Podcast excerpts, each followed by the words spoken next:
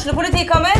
Ine Jansen er purk. Er du purk? The motherfucking bitch. Alt jeg vil, er å finne ut hva som skjedde med mannen min. Jon Carew. Er jeg sikta for noe? Iben Akeli. Det er du. Ole So, Lars Berrum og Big Daddy Karsten. Hvem sin side er du på, egentlig? Anette Hoff, Tone Danielsen, Kommer du fra Afrika?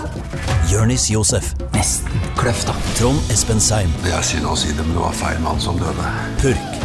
Premiere tirsdag på TV2 Play. Dyrisk desember med podkasten Villmarksliv. Hvorfor sparker elg fotball? Og hvor ligger hoggormen om vinteren? Og hva er grunnen til at bjørnebinna har seg med alle hannbjørnene i området? Svarene på dette og mye mer får du i podkasten Villmarkslivs julekalender Dyrisk desember, der du hører på podkast.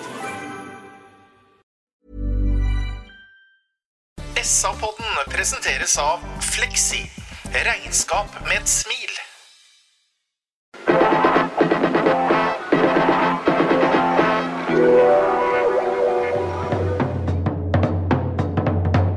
Sarpsborg Arbeiderblad gir deg en ny episode av SA-podden med Petter Kalnes, Øystein Weber og Bjørn Inge Bingen Nilsen.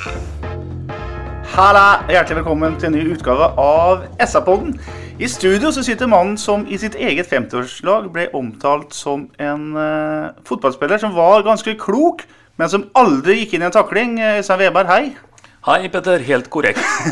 Og vi har med oss en annen kar som gikk inn i alle taklingene han så, nemlig Sven René Nygård. Hyggelig å se deg igjen, Sven. Like måte, gutter. Jeg heter fortsatt Petter Kalnes. Vår uh, fjerdemann, han er uh, fraværende. Bjørn Inge Nilsen har andre ting å gjøre da, Øystein? Ja, Så vidt jeg skjønte, så var han var golfa. Men det er det er veldig hyggelig å se Sven igjen her, da. Eh, Det har jo blitt veldig hyggelig mottatt òg. Veldig mye fine tilbakemeldinger.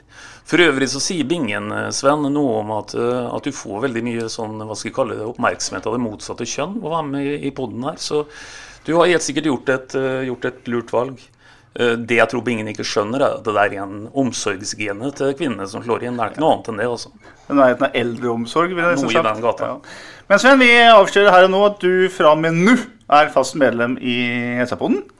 Ja, det, det var veldig hyggelig forrige gang. Og det er veldig deilig å prate fotball med mennesker igjen. Og jeg har sittet hjemme i leiligheten og etter å ha vært på jobben og verken sett eller vært med på noen ting, så det her er gøy.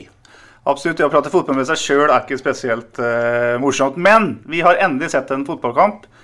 Uh, vi har sendt en fotballkamp på SA-TV, og vi har sett uh, Sarpsborg 08 spille 2-2 mot Stabæk. Og vi tar det siste først. Det er alltid sånn. Vi husker det siste. Og det er at man rota bort en 2-0-ledelse, Øystein. I løpet av ett minutt så slipper man inn to mål. Og det er jo litt sånn ødeleggende for helhetsinntrykk- helhetsinntrykket. Ja, det er jo det. Og det, det, det skjemmer jo det inntrykket litt. Det er litt surt av et par grunner. Uh, Simen Hvitu Nilsen hadde fortjent også også stå en clean sheet-omgang, som det heter. Han, han syns jeg egentlig beviser i dag at vi har ikke noe, vi har ikke noe stort keeperproblem i 08. Eh, nei, vi blir for uoppmerksomme der helt på tampen, og vi får håpe det ligger noe læring i det, da. Så, så tar vi heller å gi bort uh, to på tampen i dag, enn at vi gjør det i seriesammenheng. Jeg er helt enig. Vi skal komme uh, mer tilbake til det. Men, men Sven, det er jo en treningskamp. Men det å lære seg å drepe den kampen, uh, dra i land den 2-0-seieren det, det er Man skal trene på det òg. Det er jo dumt at sånne ting skjer, er det ikke det? Jo, eh, i hvert fall sånn som jeg husker sjøl fra den tida når jeg spilte fotball. så Når du leder fotballkamper, så var det om å ta vare på den ledelsen. Selvfølgelig kunne man gå for to og tre og fire og sånne ting, men, men det å skape unødvendige situasjoner og ikke stå igjen i statistikken med seier i første treningskamp, det, det, det er liten vits. Og det er klart at 08 de kunne drept den kampen her på litt annen måte.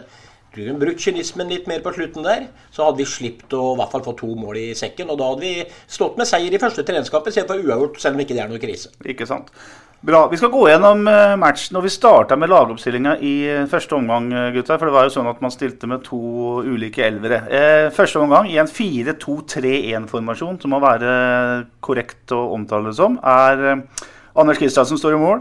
En back-firer. Og legg merke til at det er fire mann. Suleiman Bojang, Magna Rødegård, Ben Karamoko og Mikael Dyrestam. To sittende midtbanespillere er eh, Jonathan Linseth og Laura, Laura Mendy. Som går ut ganske tidlig i omgangen og blir erstatta av Emir Derviskadic. Så har vi to kanter i Rashad Mohammed og Jonathan eh, Joakim Soltvedt. Eh, Den hengende spissen er Anton Saletros, og Steffen Lie Skålevik er midtspissen. Og det var en første omgang Øystein, som Sarpsborg dominerte mer eller mindre totalt. Ja, jeg syns det nesten går an å si tilnærmet klasseforskjell ja, i første omgang. Og, og, det skal vi ta med oss. Det er en eh, divisjonskollega vi møter her, så det i seg sjøl er, eh, er, positivt. Dessuten så er det en førsteomgang som viser at uh, som viser at vi har fart på topp. Og spesielt på høyresida så vi jo det, da. Det var vel først og fremst der også vi har fart, og da spesielt med Rashad og Bojang. Og, og det skal nok bli et våpen det vet du, med å få, bruke den farta som vi, vi har snakka mye om det, at nå har vi fart som gjør at nå vil motstandere være veldig bekymra for eget bakrom. Og legge merke til litt sånn utover i, i kampen hvor, hvor Ødegaard, som åpner egentlig litt sånn, litt sånn Han famler litt å begynne med. Han slår et par lange pasninger litt utover i første omgang. Det, det, er nemlig også et poeng at det, det skal ikke så veldig mye til å skape en farlighet. Du kan slå en lang pasning inn i bakrom. og med den farta Rashad har på topp, så blir det farlig. Og det ble egentlig farlig gang på gang. Vi har snakka om dette før, Sven. Altså, med farta til Rashad og med Bojang, vi må ikke glemme han så, så må uh, forsvarsspillerne alltid ta hensyn til dem. Uh, man kan liksom ikke føle at man har kontroll på Rashad og, og slappe litt av, for han, uh, han kommer jo som en kule hver gang. Ja, og ingen i nærheten av Rashad som hadde kontroll på han. Altså, det, og Bojang, for den saks skyld. Det holdt jo på å bli straffe der også. Mm. Fordi Bojang kommer som ei kule bak, bak stopperen til Stabæk. Og, og det, sånn er det jo. Stab, Stabæk sin stopper ser jo hvor Bojang er i forkant, og tenker at nå er det god tid. Men også er han så hurtig. Og det er klart at Skal du forholde deg til først en Rasha da, som venstre back f.eks., eh, så vet du at han er rårask. Og så setter du kanskje et eh, ja, Kanskje de tar en mann på den sida som er hurtig som forsvarsspiller. Men så kommer det denne Bojang på overlapp, og han er like rask. Så det er klart et fotballag skal forholde seg to sånne menn på samme Ja, menn, gutter. På, på samme side. Det er jo nesten håpløst. Så men, bare følge opp den der litt, hvis jeg får lov til det. det de terroriserte jo venstresida til Sabek. Men så er jeg så bekymra for det sluttproduktet, da. Altså, De terroriserer, de kommer til dørlinjer, de skaper muligheter. Men så blir det liksom ikke noe ordentlig ut av det. Så jeg håper at nå presisjon og valga til de to gutta blir bedre framover sesongen. For hvis de får gode valg og god presisjon, Oi, oi, oi. Da skal det bli en spennende høyreside. Ja, det er for ofte at spesielt Rashad gjør et feilvalg eller en teknisk feil som gjør at du ikke får noe ut av det, det, det nummererte overtaket du også har, ikke sant? Ja, jeg er helt enig. Og, og, men, men, jeg syns vi ser noen tendenser i dag som, som er spennende. Og jeg syns også som sagt at det er et viktig poeng at det, eh, her trenger du ikke også, lage et, eh, et, angrep med masse trekk. Du kan egentlig dunke den ballen litt sånn frigjørende i bakrom. Eh, du, du løser uansett kanskje et problem ved at du, du du, du, får brutt opp spillet litt her, og så, og så, blir det faktisk en farlighet med en gang. Så farta til Rashad, den, den, er, den, er, spennende. Men vi kommer litt mer tilbake til det, Petter. Eh, jeg vet ikke hva jeg skal si, men takk for at en ikke skal ta ut denne første elveren etter hvert. da. For eh, dette blir jaggu vanskelig, altså. Ja, det er godt å ansette en hel haug av trenere. For her må mange kloke mennesker sette seg sammen og, og finne den elveren man skal, uh, man skal bruke. Det er jo også sånn at med Rashad og, og Bojang så blir det mye fokus på høyresida. Eh, det er bare sånn det naturlige er. Det er lett å slå ballen mot, eh, mot disse gutta her. For du, som du har sagt flere ganger, den, den bør ikke være veldig avansert, pasningen. fordi det er bare å få den i et rom, og så kommer de. Det som også er en, eh, en, greie her, er at vi har en offensiv midtbanespiller i Anton Saletros, som jeg syns før pause der var helt strålende. Han, han tok tak i ting, spesielt litt utover i, i omgangen. Og det er jo sånn du vil ha Saletros, eh, vel, Sven. Offensiv, rettvendt, på offensiv banehalvdel. Uten tvil. Og jeg syns også at Saletros gjorde en veldig god kamp sett under ett, altså den omgangen. Eh, slow starting, eh, lite ball. Men så begynner han å få den ballen. Han finner de rommene. Gutta finner han. Så ser du han kom til en fantastisk avslutning som det Jeg hørte du kommenterte, Petter, at eh, du så det på reprisa. At den ballen var på vei i det lengste hjørnet. Han har full kontroll på den fantastisk forsvarsjobb. Så hadde han en fantastisk chip inne i 16-meteren som kun han i norsk fotball ser. Så han er så kreativ og så god. Men jeg vil fortsatt at han ligger mye der oppe i den der eh, spiss, hengende spissen. For jeg så han også på egen banehalvdel som sistemann omtrent i laget for å hente ball. Og det tenker jeg det det har han ikke råd til. Og han skal orke å gjøre jobben der oppe. Så slipp han fri som fy der oppe. Men få han til å være der oppe. fordi at når vi vinner ballen litt høyere på vår banehalvdel, hvis du klarer å holde den mannen der litt igjen, da, så er også rommene så store at det blir lett å finne den. Og da kan han bruke sin kreativitet når det ikke er ti motstandere rundt seg. Ja, jeg er helt, eh, helt, enig. Og jeg så litt begge deler i dag, jeg og Sven. Jeg så han var ute, eller var nede og mer eller mindre tok ballen fra en bekk eller en stopper. Og det er helt unødvendig.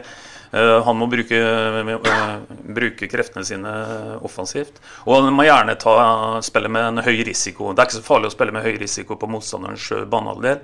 Det verste som skjer, er at vi får et ballmist. Og vi vet jo om mange som, som har Altså, Poenget er at eh, det kan sikkert finnes spillere som knapt nok mister en pasning, men, men, de tar heller ingen sjanser. Vi må, vi må få uh, Anton på, på motstanders banehalvdel og gjerne spille med høy risiko.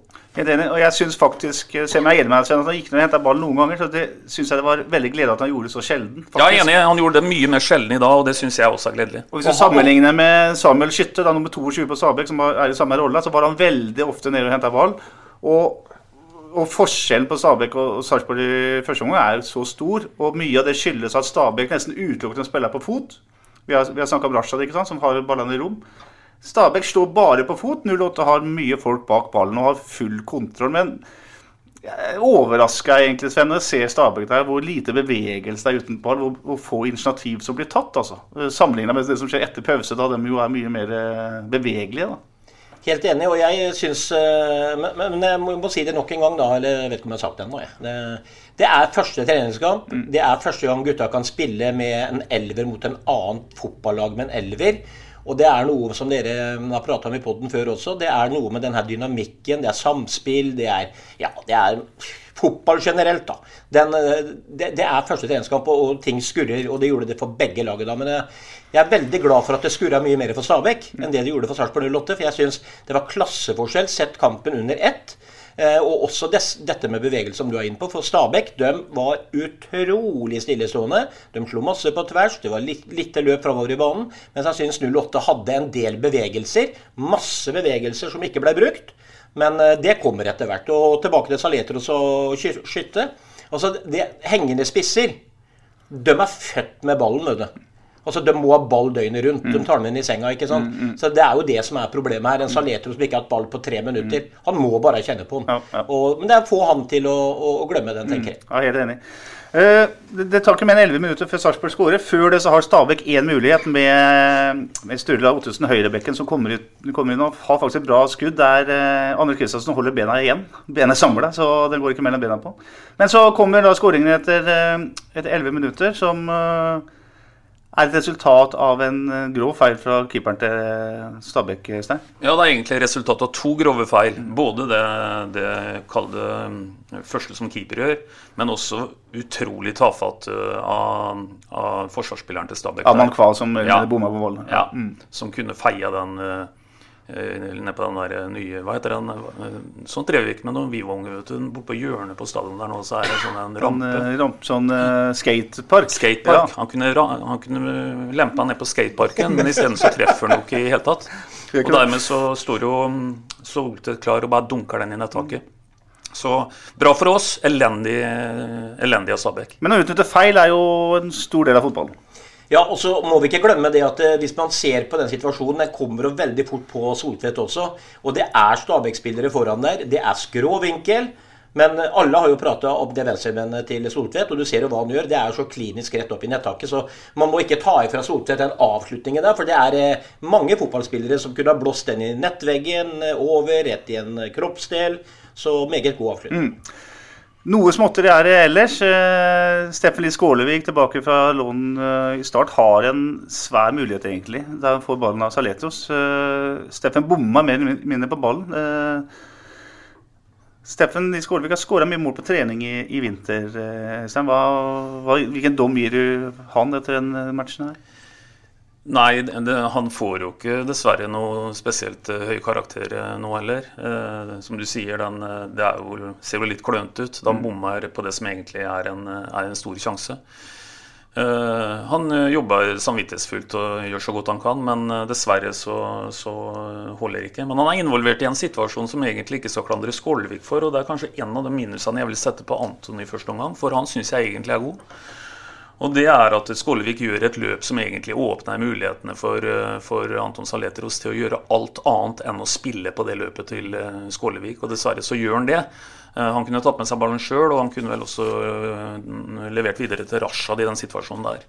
Så, så, så, og, da hadde vi rosa absolutt Skålevik for det. Bare at han ikke skulle ha den ballen. Han, han skapte rom med den bevegelsen. Men dessverre så så, så lykkes ikke Skålevik helt, og, og det er litt, eh, litt av det vi har sett før, eh, tenker jeg om det. Det han skal ha, da, at han er en, eh, han er en ivrig sjel. altså Han jobber knallhardt hele tida, er i alle situasjoner.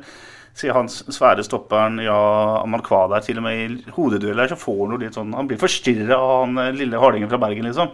Eh, men det er dette sluttproduktet da, Sven, som vi snakker om. Jeg er veldig enig med det Øystein sier her. Eh, Så er det sånn at der, hvis en spiss ikke burde skåre mål, men den skulle jobbe hardt for å ødelegge for forsvarsspillet til motstanderlaget, da hadde jeg valgt Skålevik som nummer én ti av ti ganger i Norge. Men en spiss skal jo liksom være målskårer, og der ligger jo kjernen av problemet. Jeg husker jeg satt sammen med Bergerud, han analyse det er en par år tilbake vel, hvor jeg fikk se en video hvor han kom inn som innbytter borte mot jeg lurer på om det var Ranheim, hvor vi leda hvor de satte inn han for å bare jobbe. Han, vet du hva? Det var, jeg tror det var tre-fire minutter igjen. altså Han ødela og lagde frispark og var i taklinger. Så Ranheim kom aldri i angrep. Det var Skålevik alene som bare drepte den kampen på slutten der oppe. ikke sant? Så han er jo helt fantastisk, som du sier. Han, han, han jobber og sliter. Og det er jo ingen misloppere i Norge som vil ha Skålevik rundt seg. Men så har vi tilbake til det problemet. Henter en spiss, de skal skåre mål, og der er ikke Skålevik i dag. Og den bommen han hadde i dag, den tror jeg jeg setter på konto av eh, selvtillitbrist. For den kan ikke være spesielt høy. Nei, den er ikke høy, og øh, det hadde gått an å håpe at den var, øh, var litt høyere. Men, øh, men den, det bærer preg av i dag at han, han mangler litt på det. Ellers så er det fokus på overgangsspill, kontringer i 08 i vinter, og man har trena mye på det. Eh, og det mest klassiske kontringen er jo selvfølgelig et utspill fra keeper. Og Anders Kristiansen har en veldig god fot. Det er en situasjon der som eh, Anders spiller uh, Rashad Mohammed direkte igjennom med en sånn volleyutspill som er helt praktfullt. Det der er jo faktisk et, eh, et ordentlig angrepsvåpen, det jo, når man kan eh, altså kontre fra keeper. Ja, absolutt. Og, det foregriper for å foregripe litt her øh, Det skjer nesten noe tilsvarende tre minutter tidligere, men da er det ikke Anders Kristiansen, da er det Ødegaard som slår en lang Mm. pasning til Rashad. Begge dem noterer jeg meg som, øh, som åpenbart farlige, mm. farlige situasjoner. Så litt tilbake igjen til det vi starta med å si. Eh, Vi vil, vi vil bli farlige i år bare i kraft av det at vi har betydelig mer fart på topp. Vi har nevnt uh, mange nå. Uh, fra elveren fra første omgang. Er det andre her som dere vil ha, ha, ha trukket fram? Jeg syns jo Laurent Mandy, som det er stilt store forventninger til Han blir skada og går av der, og så går det en time, og så er han inne på banen igjen i, i annen omgang. Jeg, Det, det hadde ikke du gjort, Sven.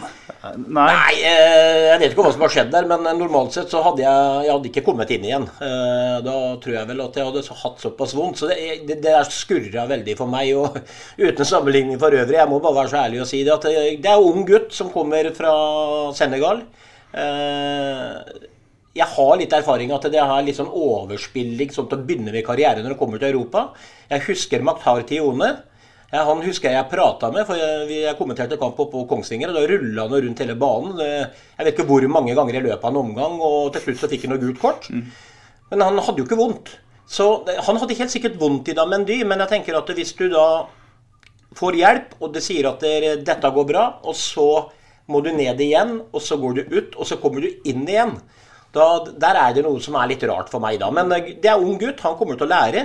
Og når han kommer til norsk fotball nå, og hvis han begynner å dominere som han har gjort på treninger, som jeg har forstått, så blir det mange skruknotter i ankler og legger, så da er det bare til å steppe opp. Helt enig. Eh, La for øvrig merke til han eh, at han i tillegg til mye annet også er en bra hodespiller. faktisk. Bra spenst, bra timing i lufta. Det la jeg merke til òg. Han, eh, han, eh, han, han viste virkelig fram det. Og jeg er helt enig med Sven. Her var, det var ikke noe tre knekte ribben på Meny, da, for da hadde han ikke kommet inn sånn som du gjorde da du kolliderte i Granskrysset. Men, eh, men vi får se det positive i det, og det er jo at det må jo da kunne konkluderes med at han er ikke alvorlig skada. Og, og det er eh, fint, for eh, Mendy er en spennende spiller. Helt klart. Vi skal straks gå over til annen omgang, men vi må bruke fem minutter på, i fall tre minutter på Benjamin Karamoko. Midtstopper fra Elfenbenskysten, som jeg syns gjør en meget solid jobb. Han er svær. Han er, som Bingen har sagt, mye mer verbal enn det jeg trodde. Han går inn og han bestemmer, han også. Styrer og ordner veldig. Dirigerer venstrebekken sin Dyrestam, dirigerer Magnar Rødegård, som han spiller stopper sammen med. Eh, og så er han bra med ball. Jeg syns Ben Karamoko er, eh, er, liksom et førstevalg allerede som midtstopper. Ja, og du ser han er en, eh, du ser han er en ledertype i kraft av hvordan han, han beveger seg. Eh, Jeg kan ikke på streamingen i dag høre noe, noe særlig sånn type hva som konkret blir sagt, men du ser han peker, og du ser at han dirigerer.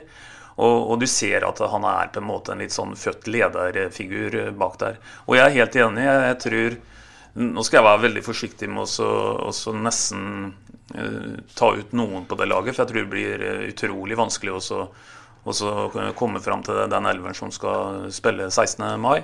Men han, uh, han har i hvert fall meldt seg kraftig på for å ta en av to uh, stopperplasser på dette laget.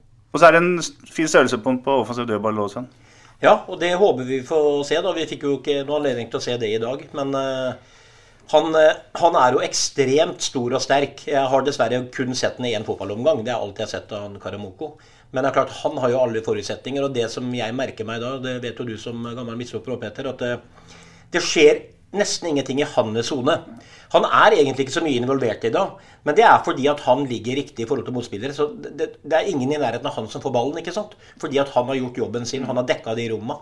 Så det, noen ganger så kan det også være Det er som å si at når ikke du legger merke til dommeren, så har han dømt bra. Og det er litt som med midtstoppere også. Det er ingen som kunne slå i det rommet Karamoko hadde, og derfor så har han gjort jobben glimrende. Eh, bare en litt sånn en eh, kommentar tilbake til han eh, Sven her. For jeg sier jo at eh, Karambuka har meldt seg kraftig på for å ta én av to stoppeplasser. Og da ligger det jo litt implisitt i det jeg sier, at en spiller med en firer bak. I, I dag så setter en jo opp to, to forskjellige lag, men én rød tråd er jo faktisk en firer bak. Og nå er riktignok du en gammel eh, forsvarsspiller, eh, Petter, men, eh, men Sven har jo også svart belte i å spille en firer bak. Eh, Hva tenker du på pluss og minus i forhold til dette? Heller ut til at det er en firer bak du vil satse på her, Sven? Nei, det er vel Når man spiller med tre bak, så er det vel veldig ofte for å få litt mer kontroll på i midtbaneleddet bl.a. Og få kanskje litt mer offensiv skyts litt tidligere fram i banen. Eh, Men for min del så er det sånn at en, en firer, det er liksom for meg det trygge. Eh, Det å spille med tre bak, det, det kunne vi nesten ikke gjøre noe særlig før. For de som har uten sammenligning for øvrig, med ork eh, Altså, Folk klarte ikke, rakk ikke ned og dekke rom. ikke sant? Nå har du fire mann bak nå, så klarer du å flytte over hverandre, så skal du kunne klare å gjøre livet surt for motstander. Så det er veldig safe.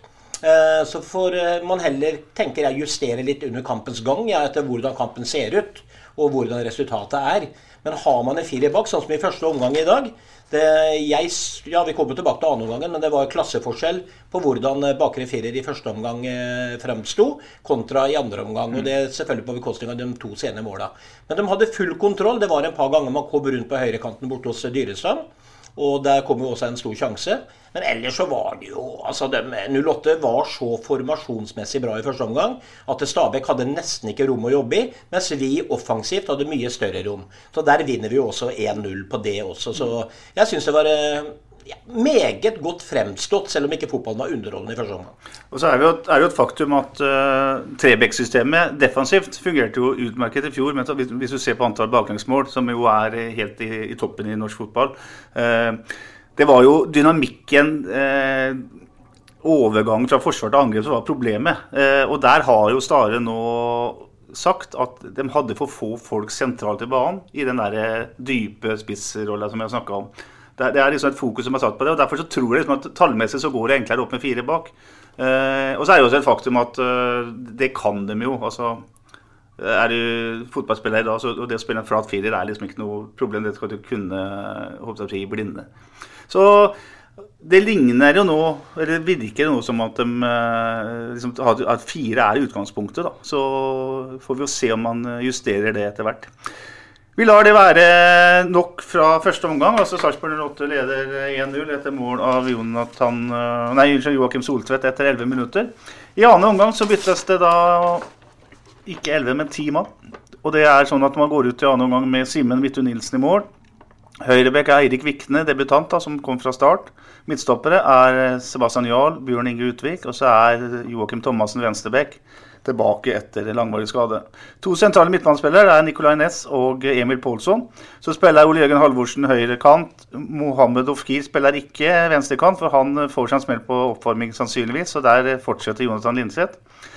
I den dype spissrolla eller fremskutt midtbanespiller spiller eh, Bobokar Conté, og så debuterer Ibrahima Kone som spiss. og jeg har lyst til å begynne helt på topp. Øystein. Eh, hva sier svensken? Kraftpaket? Ja, det er et kraftpaket. Vi har vel sett uh, Kone uh, hva skal vi si, enda mer på kanskje enn i dag. Nå har det ikke vært veldig mye fotball, som Sven var inne på, da, men det har jo vært spilt en internkamp, og han har jo vist seg fram på trening osv. Men at han er, et, eh, at han er i kraftpakka av dimensjoner, det, det bør en jo ikke lure på. Og, og, det har vi jo eh, sett lenge. Ref også da han på treninger her har gått eh, inn i ordentlig tøffe dueller med, med krigeren sjøl, Utvik osv. Så, videre. så her har en fått både hurtighet og muskler så det holder. Jeg vil gjerne trekke fram én ting jeg, som jeg la merke til når det gjelder Ole Jørgen Halvorsen. Jeg, jeg, jeg, har ikke tall på hvor mange ganger Ole Jørgen slo et innlegg etter Patrick Mortensen i blinde, mer eller mindre. Altså få han inn i løften inn. Det er mange, mange ganger. Nå gjør han det samme i dag. Eh, I fjor så var det sjelden han på en måte fant noen å slå på. Ole Jørgen spilte uhorvelig mye støttepassinger i, i fjorårssesongen. I dag så slo han en tre-fire-fem innlegg i retning eh, Kone, som er der. Eh, målet kan vi komme tilbake til. Det er også et resultat av det. Det er jo noe med det, Sven, at du naturlig nok så slår jo ikke innlegg når du ikke har noe tro på at kameraten foran mål uh, gjør noe mer med innlegget. Altså, Kontra dem gjør noe med Conné, da. Ja, ja, det, du har helt rett. og Hvis ikke det er noe trøkk i boksen, eller du har enkeltspillere Noen ganger så kan du en, en hodespiller eh, Hva var det Bingen kalte Conné for igjen? Han sammenligna med en eller annen i Tyskland med W. Nei. Jo, Jebbo som var ja. makkeren til Jørn. Ja. Jeg syns han ligna mer på Lukaku ja, da når han løper utpå der. Både ja. på skulderpartiet og måten han løper på. Ja, venstrebenet hele greia. Ja, ja, ja, ordentlig sånn Lukaku-mann. Ja. nei, tilbake til det. Det, det var uh, Nei, det er noe med at hvis du vet du har en spiss der under Når Mortensen spilte, selv om han hadde to stoppere og det ikke var noen andre i boksen, så kunne du faktisk låne inn. For det kunne bli noe trøbbel. Og sånn blir det jo nå med Kone. Og han gjorde ikke noe stor kamp i dag. Det var ikke mye jeg så han tok for seg i dueller. Du ser hvor sterk han er med ballen. Han hadde en par involveringer hvor han legger den på brystet, har to mann i, i nakken, eh, tar to steg, spiller til en midtbanespiller og vil beholde ballen. Fantastisk sterk. Men det beste med Kone da, for meg, det var at dette er ikke noe luksusspiss. For han gjør en dårlig involvering oppå sin egen, egen 16-meter og mister ballen. Han driver og trikser og tuller, og så mister han. Og holdt jeg på å bruke F-ordet òg. Han legger i vei hjem og er helt nede på egen 16-meter og spiller midtstopper til vi har vunnet tilbake ballen. I full spurt. Og sånne ting elsker jeg å se. Ja, og så er det et godt poeng som du er inne på, Peter. At uh, du kan egentlig lese på Ole Jørgen i dag at han har mer tro på det som spiller foran der i år kontra i fjor. For, for nå, nå, kommer ikke den støttepasningen igjen, og nå kommer nesten som på intuisjon kommer, kommer den bøyinga inn foran mål. Så, så hele eh, kroppsspråket til Ole Jørgen bærer preg av, i hvert fall hvis du hadde spurt han, at han tror betydelig mer på det vi har framme der nå kontra i fjor. Bør ikke lure på det. Nei, Så er det en helt vill eh, kombinasjon du, av kraft, fysikk og tempo. vet du. Han tar jo med seg han eh, Emil Jonassen, han bekken på løpetur her. Det var ikke Emil Jonassen, men det var han Mats Solheim på en ordentlig løpetur der, som han bare flyr ifra han med ball i bena. Altså, det er jo en uh, svær spiss som i tillegg har stort tempo. Og det, og den situasjonen der, Petter, det er det verste at det var det beste han kunne gjort òg. For han kommer ned til dørlinja, mm. så slår han en knallhard som keeper ikke rekker, så han kommer tilbake. Det var det Vikne. Mm. Og eh, Vikne da slår ut, og dessverre så klarer Conté å få et strømpetreff. Så han gjorde også riktig avslutning, da, for å kalle det en avslutning, mm. i forhold til å spille medspillerne. Så det var en veldig positiv sak. Og han kommer vi til å se så mye av. Håper at gutten kommer til å holde seg frisk og rask. Og så at vi kan spille på hans ferdigheter. For jeg tenker også i dag Jeg syns at han var for lite borti ballen. Vi må være enda flinkere til å Som vi gjorde med Mortensen. Altså Når vi har en bauta der inne som han, som er så fysisk overlegen, så må vi få svarte få den ballen inn så ofte som bare mulig, er min mening. Og så får vi heller stupe etter uh, utafor 16-meter på andre baller osv. Så, videre. så litt for lite å jobbe med i dag, syns jeg han fikk. Vi kan, vi kan like gjerne ta målet og, Øystein, når vi snakker om Kone, for han er i høyeste grad eh, innblanda i det. Det kommer etter 71 eh, minutter. Det er et innlegg fra Ole Jørgen Vel. Og så er det jo, sånn jeg ser det, at Kone han, han binder opp midtstopperen. Han binder opp uh, Høyrebekk, nevnte Solheim, og så kommer uh, Evighetsmaskinen, Evighetsmaskinen Linseth. Ja, han legger jo ned som vanlig antagelig flere kilometer enn de fleste. Veldig symptomatisk at det er Linseth som spiller her flest minutter i dag, selv om han får avløsning sånn på tampen der. Eh, må, må bare liksom flette inn og si det. At den motoren som Linseth har, den er, den er, helt unik. Nei, det er helt riktig som du sier. Han, eh, han er jo han, han, står jo på rett sted og, og, er på en måte en hva skal kalle det, en backup for Kone i den situasjonen. Og her blir jo det helt, helt perfekt. Kone han slåss om å vinne duellen. Han greier ikke helt å, å komme på den, men da står Linseth bak den, og Bresi er den greit i mål. Ja, jeg må tilbake til Linseth. Vi har ikke prata om eh, Linseth før nå. Eh, Linseth skårer det målet rett og slett fordi at han har så enorm løpskraft. Han, har, han lukter de situasjonene. Han har skåra mye mål fra sin eh, posisjon. Og jeg Vi er jo uenige på hvordan man tenker fotball, men i mitt hode så er Linseth en av dem ja, sikreste korta for å stille i en startelver, i mine øyne. Rett og slett fordi at han er så utro... Han kan brukes overalt. Han kan klaske ut på venstrekanten. Han løper i hjel alle motstandere sentralt. Han har et fantastisk driv. Og vi ser den stikkeren han spiller til eh, Conté i dag. Den, eh, jeg hadde god oversikt fra si, filmkamera på TV der. Jeg så ikke den komme før den ballen var der.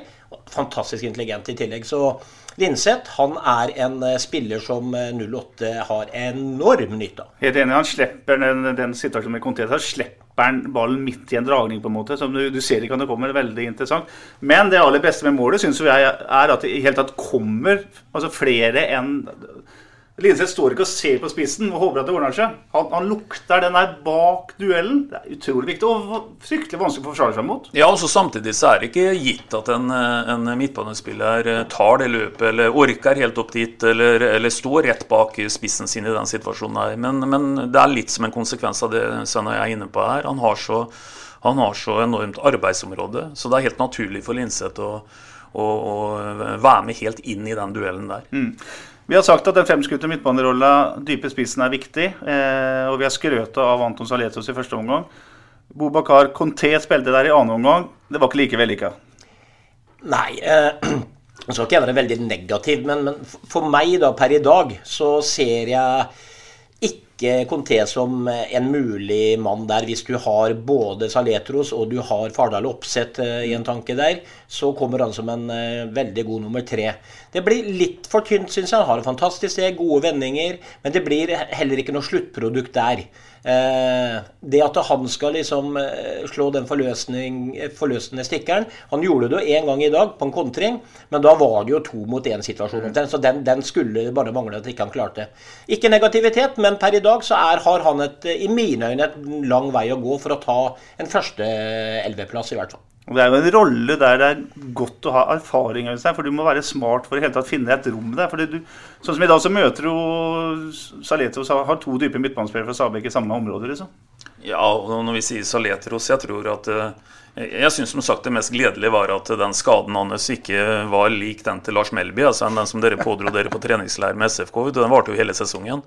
Det var jo snakk om en sånn hoftebøyersak på han uh, Saletros, men han viser jo i dag at han er fit for fight. og Og han er nok det nærmeste jeg ser at uh, vi kommer en banker på dette, dette, laget. Og i den rolla der så er jeg helt overbevist om at Men Lars Melby Øystein, han hadde for mye kullsyre, tror jeg, i hoftebøyeren. Det var ikke vanlig normal strekk. Nei, men den treningseren du uh, snakker om der, ja. den uh, den, den, der var vi sterkt prega da vi kom hjem. Ja. Der, og det var ikke av overtrening, for å si det sånn. Nei, men vi, vi, har blitt enige om det, Sven, at det som skjer i Vegas, det blir i Vegas. Ja, ja men vi var ikke i Vegas. Det egner seg i hvert fall ikke på trykk, det kan være enig i.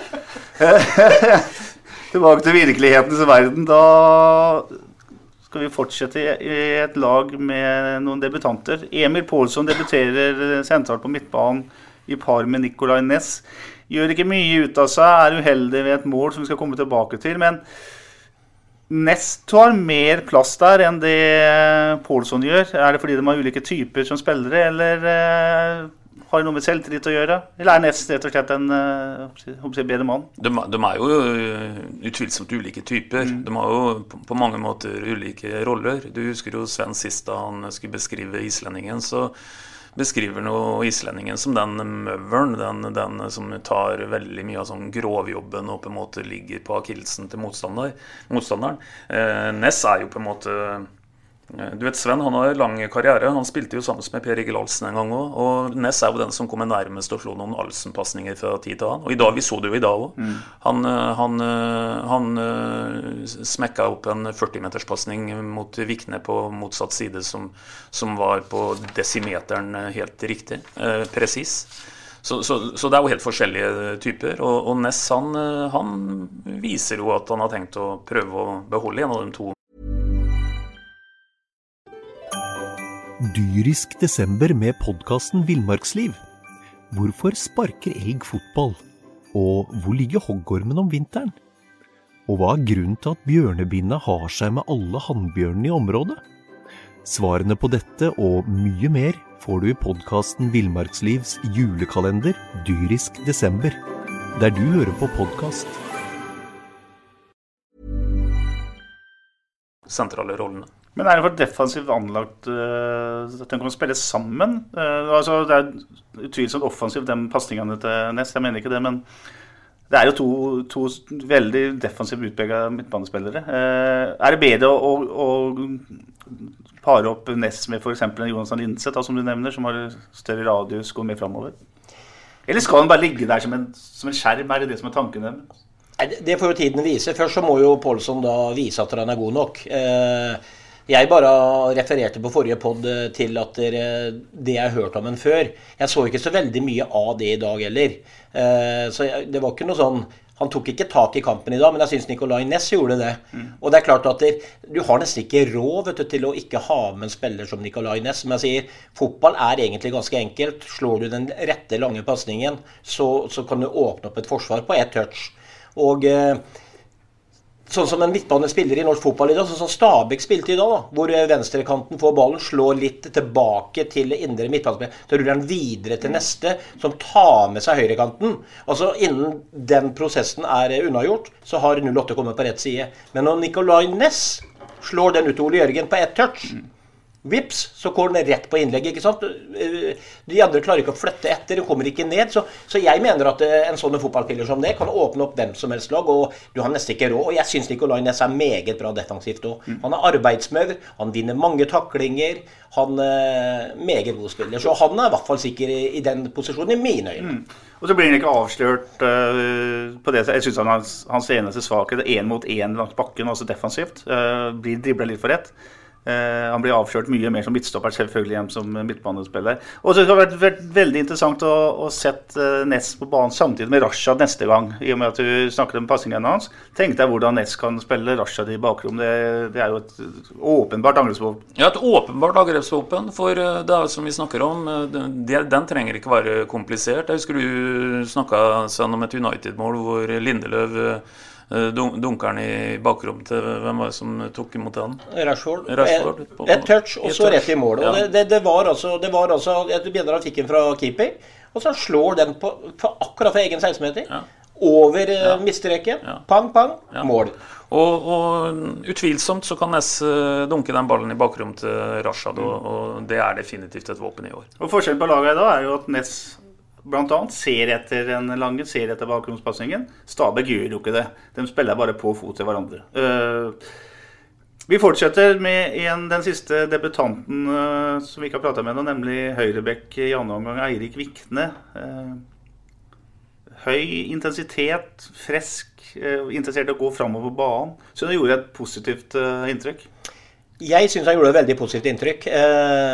Jeg ser jo det at han har høyt tempo i kroppen. Han er offensiv i hodet. Han kommer på løp, han legger innlegg. Han vant en del dueller, gjorde mye bra. Eh, Litt grann het, kanskje. Altså Han eh, kan selge seg enkelte dueller òg, men, men, sånn er fotballen blitt i dag. Det er tilbake til dette med risiko. Eh, jeg ønsker jo at et 08 fra midten og framover i år Beklager, jeg, pleier ikke å hoste. Hosta i 20 år, du, Sven. Uh, jo, jeg, jeg, ønsker å se også et 08-lag som spiller på høyere risiko, da.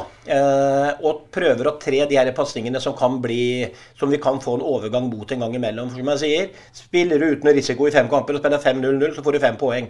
Og spiller du med høy risiko og vinner to kamper og taper tre, så får du faktisk seks. Mm. Så da har du gått ut med et poeng i, i overvekt. Så den òg tenker jeg at vi må, vi må, tåle å miste ballen og, og, ikke ta alle de safe løsningene, selv om ikke det var så veldig mye av det, av det i dag. Stabæk har jo et kjempeproblem der hvis de skal fortsette i den banen.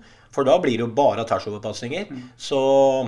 Men akkurat som forsvarsspiller så må du selvfølgelig bruke huet litt mer. For mister du ballen på egen 16-meter, så er du ute å kjøre. Og det vet vi det skjedde i annen omgang. Ja, for du snakker om å ta risiko på steder på banen der det er eh, ikke farlig, for å si det sånn. Ja, altså Hvis du tar risikoen i det offensive spillet, da. En uh, Saletros da som uh, du, du, Vi prata litt før her, Petter. Uh, vi er jo glad i United begge to. Se på Bruno Fernandes. Har vel mest feilpassinger, som du nevnte i stad, i mm. Premier League. Mm. Men han har flest målpoeng. Mm. Ferdig med det. Og de målpoengene er viktigere enn de feilpassingene. For United har ikke sluppet inn mål på alle de, de feilpassingene, men vi har fått mange poeng på de kreative, vanskelige løsningene. Jeg syns at uh, den japanske spissen til Stabæk, uh, Kosoko Kinoshita, i altfor stor grad gjorde den bakre fireren uh, til Sarpsborg 8 usikker uh, i annen omgang. jeg syns det var dårlig forsvarsspill av den fireren sammenligna med det vi så før pause. Kinoshito mye mer bevegelig, tøffere i, i, i, kroppen enn det spissen i første omgang Fitima Semi var. men jeg syns ikke fireren i andre omgang var spesielt imponerende. Sven. Nei, det var ikke å sammenligne med den i første omgang. Jeg syns de hadde litt mye både, både Utvik og han øh, Jarl. Jarl, ja, Sebastian Jarl. Mm. De hadde litt for mye avstand fra hverandre. Og, og Utvik han er jo en fantastisk uh, god fotballspiller. Og hvis vi hører på det her, Utvik, så er det jo det fortsatt. Men akkurat i dag så var du litt mer uheldig. Det, er, det vet Utvik sjøl også. Det var han eh, la han med død på brystet til han eh, japaneren en gang, mm. blant annet for å være den situasjonen. Mm. Og så ble han grusa i lufta. Han pleier jo aldri å bli det, men hvis man ser på en situasjon om igjen, så trekker han veldig mot ball. Han eh, må rygge masse, mens japaneren får da gå og angripe rommet. og da da skal du være 2,89 på strømpelesten for å nesten vinne sånne dueller når du på en måte plasserer deg sånn. Så akkurat i dag var det litt uheldig. Sånn er det bare. Du snakker om det første målet til Stabæk, så kom det etter 88 minutter et, eh, et innlegg der eh, vår venn eh, fra Japan går opp eh, mellom Utvik og høyrebekk Eirik Vikne. Helt enig med deg i vurderinga av Utvik, som er for nærme ballen, eller mot, trukket mot ballen og må rygge inn i duellen. Men skal høyrebekken eh, inn og sikre den på en bedre måte enn han gjør, eller er det bare sånn at han er sjanseløs i, eh, i duellen mot en mye større og sterkere spiss? da? Eh, kan Vikne sikre den situasjonen og hjelpe Utvik i større grad? Nei, Nå husker jeg ikke helt hvordan det så ut. Alt Jeg veldig, hadde veldig fokus på Utvik mm. og eh, duellen mm. med, med Nikoshita. Er det Nikoshita? Nikos... Kinoshita. Kinoshita, ja. Men det er jo ikke så langt unna. Nei. Nei. Eh, men det er noe med at Vikne, Det er vanskelig for Vikne. Jeg vet ikke hva du tenker da, om han skal prøve å komme seg foran en ballbane. Han får ikke, altså, det ser jo ut som han kommer bakfra og prøver å nærme seg duellen. Mm. Men at han får jo ikke klatra over, mm. Eh, over ja. han der uansett, tenker jeg. Mm. Så det der er jo midtstopperens jobb. Han ligger bak midtstopperen. Eh, eneste han kunne gjort der Vikne hadde, hadde kommet til ball langs bakken hvor han kunne brøte inn foran eventuelt. Ja. Men hodeduellen der det tenker jeg at han er sjanseløs på. Mm. Skaden har egentlig allerede skjedd vet du, når, når uh, Stabæk må begynne med den rygginga si. Det er ingen som setter noe uh, særlig høyderekord med baklengs fart mot lista. Du kommer ikke veldig altså, Han har tapt litt den der duellen. Det høres jo egentlig litt uh, spesielt ut at du blir ordentlig knust i en hudduell mot, uh, mot en japaner, men han står rettvendt. Han kan bruke tre-fire steg på å komme opp og få full spenst, mens, eh, mens Utvik har egentlig tapt den duellen.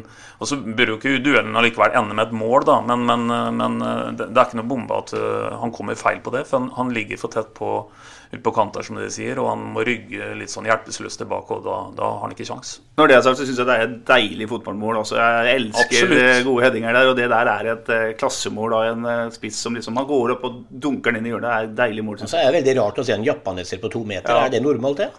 Nei, det er jo ikke det. Så. det er ikke det. Det kan vi være enige om. Da er det 1-2, 88 minutter, så går det ikke mer enn 50 sekunder til. Øystein, Så mister eh, Pålsson ballen eh, der han ikke skal miste ballen, og så er det kontring, og blir det 2-2. Kanskje vi i større grad skulle slått noen sånne skatepark-pasninger sjøl på slutten der. Eh, vi har vel noen ganger kalla det for jernbanepasninger, og få dem over der. Eh, for, for eh, ja, Oppsummert så er det naturligvis for svakt. Og så leder 2-0 etter det 88. minutt, og så ikke, ikke vinne, vinne, den kampen. Men, men, det skjedde. Og igjen, vi får satse på at, eh, at, eh, det er noe læring i det. Eh, det er det helt sikkert. For og er det noe læring i det, så tar jeg gjerne, tar jeg gjerne den blamen der, da. Mm. Ja, og det spørs hva de, hva de legger i resultatet, hva de får ordre om å å gjøre på slutten her, men er, liksom, uansett så syns jeg de skulle, de skulle vært drept og så vært ferdig med det. Så hadde de hatt en bedre følelse. Jeg tror ikke det bør være tvil om at de er kraftig irritert når de mm. Eh, går av en bane her. Mm. For uh, uansett så, så, går de på bane her for å få med seg et best mulig resultat. Så det er Stare helt sikkert fryktelig irritert på. Mm. Men hva, hva, tenker vi, eller hva tror vi i forhold til altså, Hvor mange treningskamper har vi nå? Fire eller fem? Fire eller fem, ja. Fire eller fem. Når tror vi at uh, Stare kommer til å ta ut en antatt førsteelver? Uh, det er noe med dette her, ikke sant, at nå skal alle få lov til å vise seg fram. Men, men alle, vi har jo ikke tid til at alle skal få vise seg fram. Vi må, vi må begynne å spille inn et fotballag òg, før vi møter Haugesund den 16. mai. Så når tror vi det kommer? Nei, Det er kjempeinteressant. Jeg tror uh, i hvert fall at vi har sett den siste kampen med to forskjellige lag i første og annen omgang. Uh, for jeg tror at en rett og slett ikke har tid til det lenger. Uh, nå må det begynne å øves på relasjoner, og tida er knapp. Eh, nå har en fått kjøpt seg uke ekstra tid med at de to første rundene ble utsatt, og at en ikke har serieåpning før 16. mai. Men, men, jeg tror allerede fra neste kamp at en vil begynne å se en, en mer spissing, da. Jeg er litt eh, usikker på om de spiller med, med færre folk mot Vålerenga allerede på onsdag. Eh, da tror jeg faktisk kanskje det kan bli to elvere der òg. I og med at det også er Vålerengas første treningskamp, så kan det bli at begge lag gjør det. Men så er det altså Lillesøm eh, søndag 25. Så er det spørsmålstegn eh, midtuke 28. Der har vi ikke noen motstander igjennom, men har lyst på en kamp. Og så er det da 1. mai mot Odd i Skien, og det er 9. eller er 8. mot Mjøndalen i eh, Drammen, eller i, i Mjøndalen. Kongslo. Nede er ikke, sier vi her i poden, Sven. Det må du lære deg. Ja, Det er jeg spiller, du er ikke du. Jeg har, vet, du, vet du hva jeg har gjort der? Nei. Jeg har løpt 3000 meter test ja. med junior- og guttelandslaget i bandy. Kutt ut den der eldre ja, ja. Gutter, nå høres dere ut som to sånne, to sånne knekter som sitter på gamle hjem. Kom igjen. Jeg leder 100 meter ca. Ja. Uh, jeg tror, Sven, at uh, i hvert fall uh, de to siste, så må vi jo spille med det antatte serielaget. Jeg kan ikke skjønne noe annet. men han er nok usikker, altså, for det er mye nytt, og det er mye han skal se på her. Men samtidig så må han jo være ganske sikker på ganske mange òg, tenker jeg. Mm. Det må jo være noen Hvis Saletros er skadefri, tenker jeg at uh, han, han, kan jo alt om Saletros. Han mm. må jo spille. Kristiansen må jo spille. Kone må spille. Jeg mener at Linseth også skal spille, men det er Rashad med, med det han visste i dag. Uh, så det er jo en del fotballspillere på det laget her som, som nå må få lov til å spille mye i hver kamp, mm. tenker jeg. Mm. Og så får de bytte på de plassene man mener at det er veldig stor konkurranse. For en fotballtrener ville jo, hvis jeg hadde intervjua Mikken og spurt uh, har, du noe, har du noen på laget som du går, er sikker på, så ville ikke han sagt ja til det. Han ville helt sikkert bare sagt at dere Ja, vi er gjettekonkurranse osv. ikke sant? Men han de gutta de vet jo en del av de spillerne. Så jeg tenker at de må få lov til å begynne nå. Det er veldig dårlig gjort mot andre, men det er jo en konsekvens av korona, det òg, Mm. Mm, Og vi har ikke tid til å drive og, holde på der sånn. Nei, og jeg tror heller ikke, eh, Petter, at eh, en ikke kommer til å gjøre en del bytter eh, framover. Men jeg tror at en snevrer det noe mer inn, da. Og jeg tror at etter hvert nå så er det folk som har behov for å spille mer enn 45 minutter.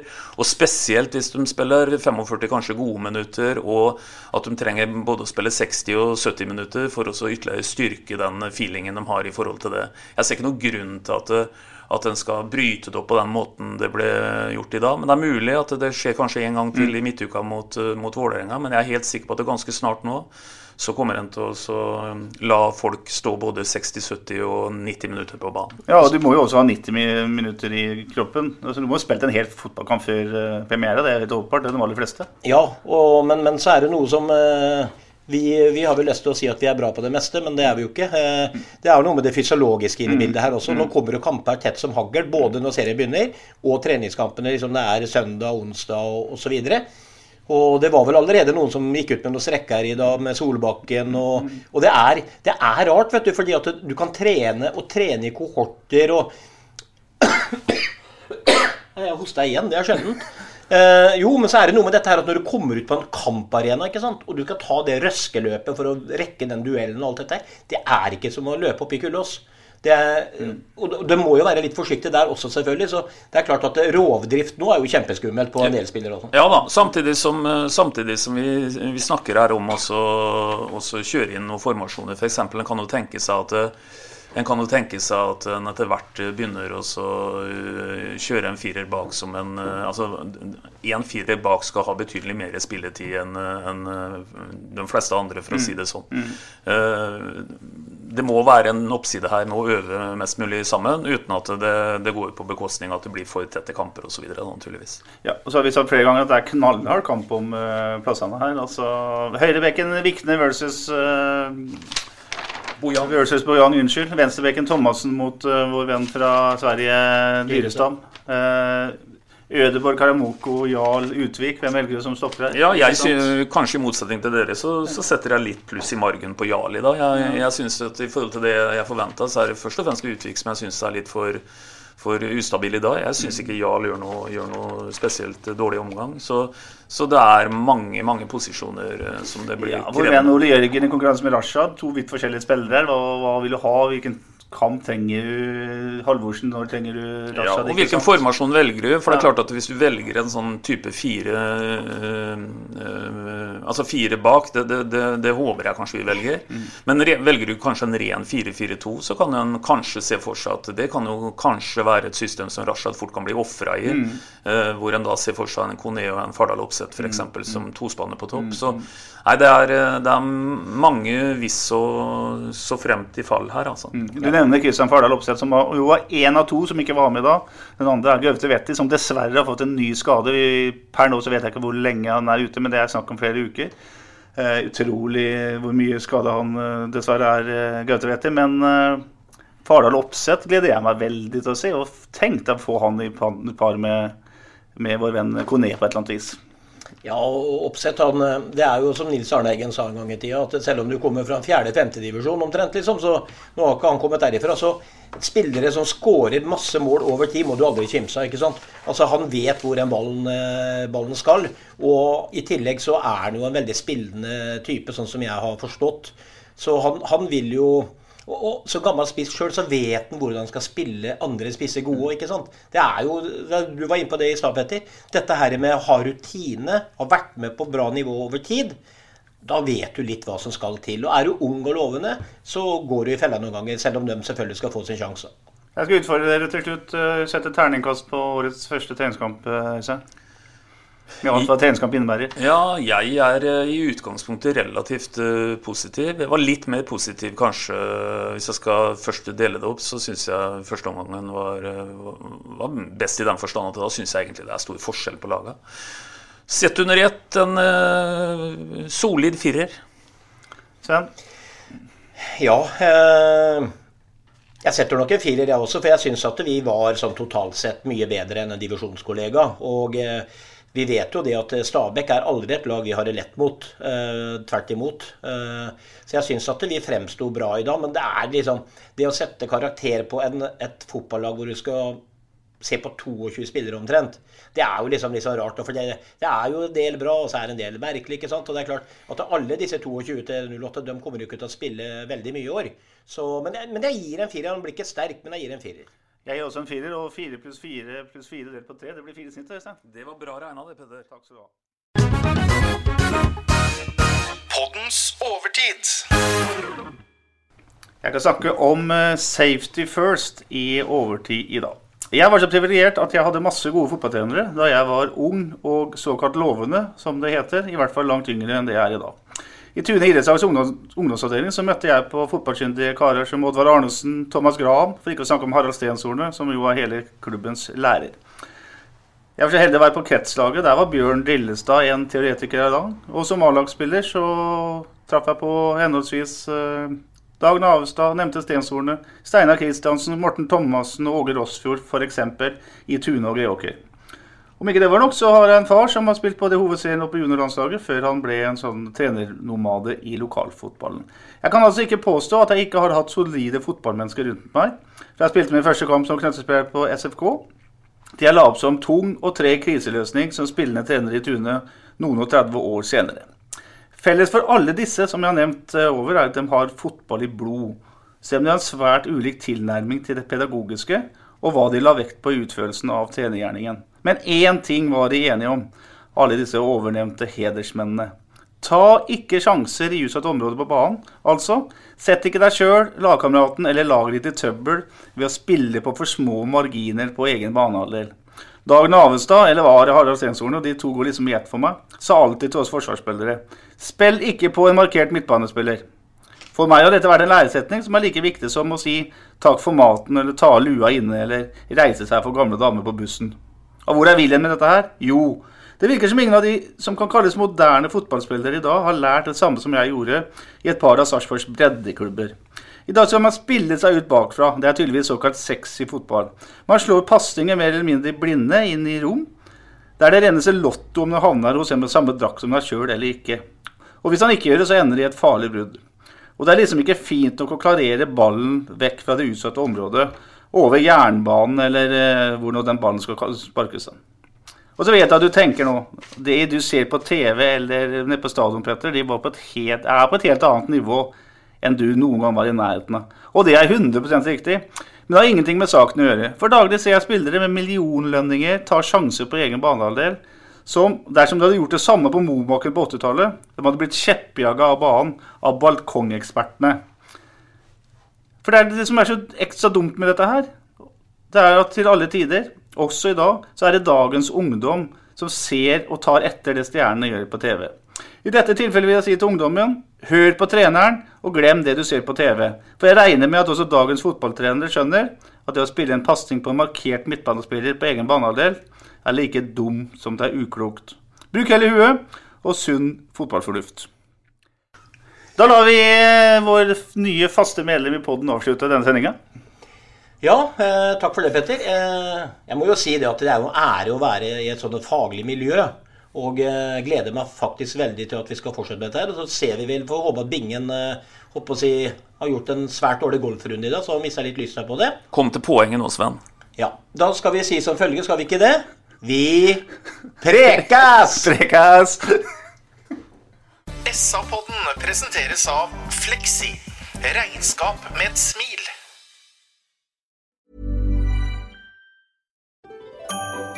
Dyrisk desember med podkasten Villmarksliv.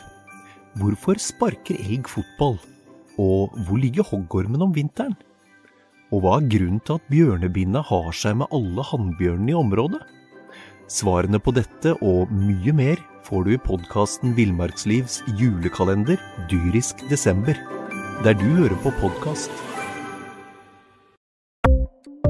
Ukens annonsør er HelloFresh. HelloFresh er verdens ledende matkasseleverandør og kan være redningen i en travel hverdag. Mange av oss har nok vandret i butikken både sultne og uten en plan for middagen, som ender med at vi går for de samme kjedelige rettene gang på gang. Middag burde være dagens høydepunkt, Som Hello Fresh kan du nå velge mellom 25 ulike retter hver eneste uke, eller få Hello Fresh til å sette sammen menyen for deg. Dette gir deg muligheten til å prøve nye og spennende retter alene eller sammen med familien. Du velger antall porsjoner og får alt levert på døren på et tidspunkt som passer for deg. Oppskriftene er enkle, og maten er lett å lage både for store og for små. Ved å få alt levert hjem får du også mer tid til å dele matgleden med familie og venner. Kanskje det frister med asiatiske tacos eller greskinspirert kylling? Da kan jeg anbefale deg om å gå inn på hellofresh.no.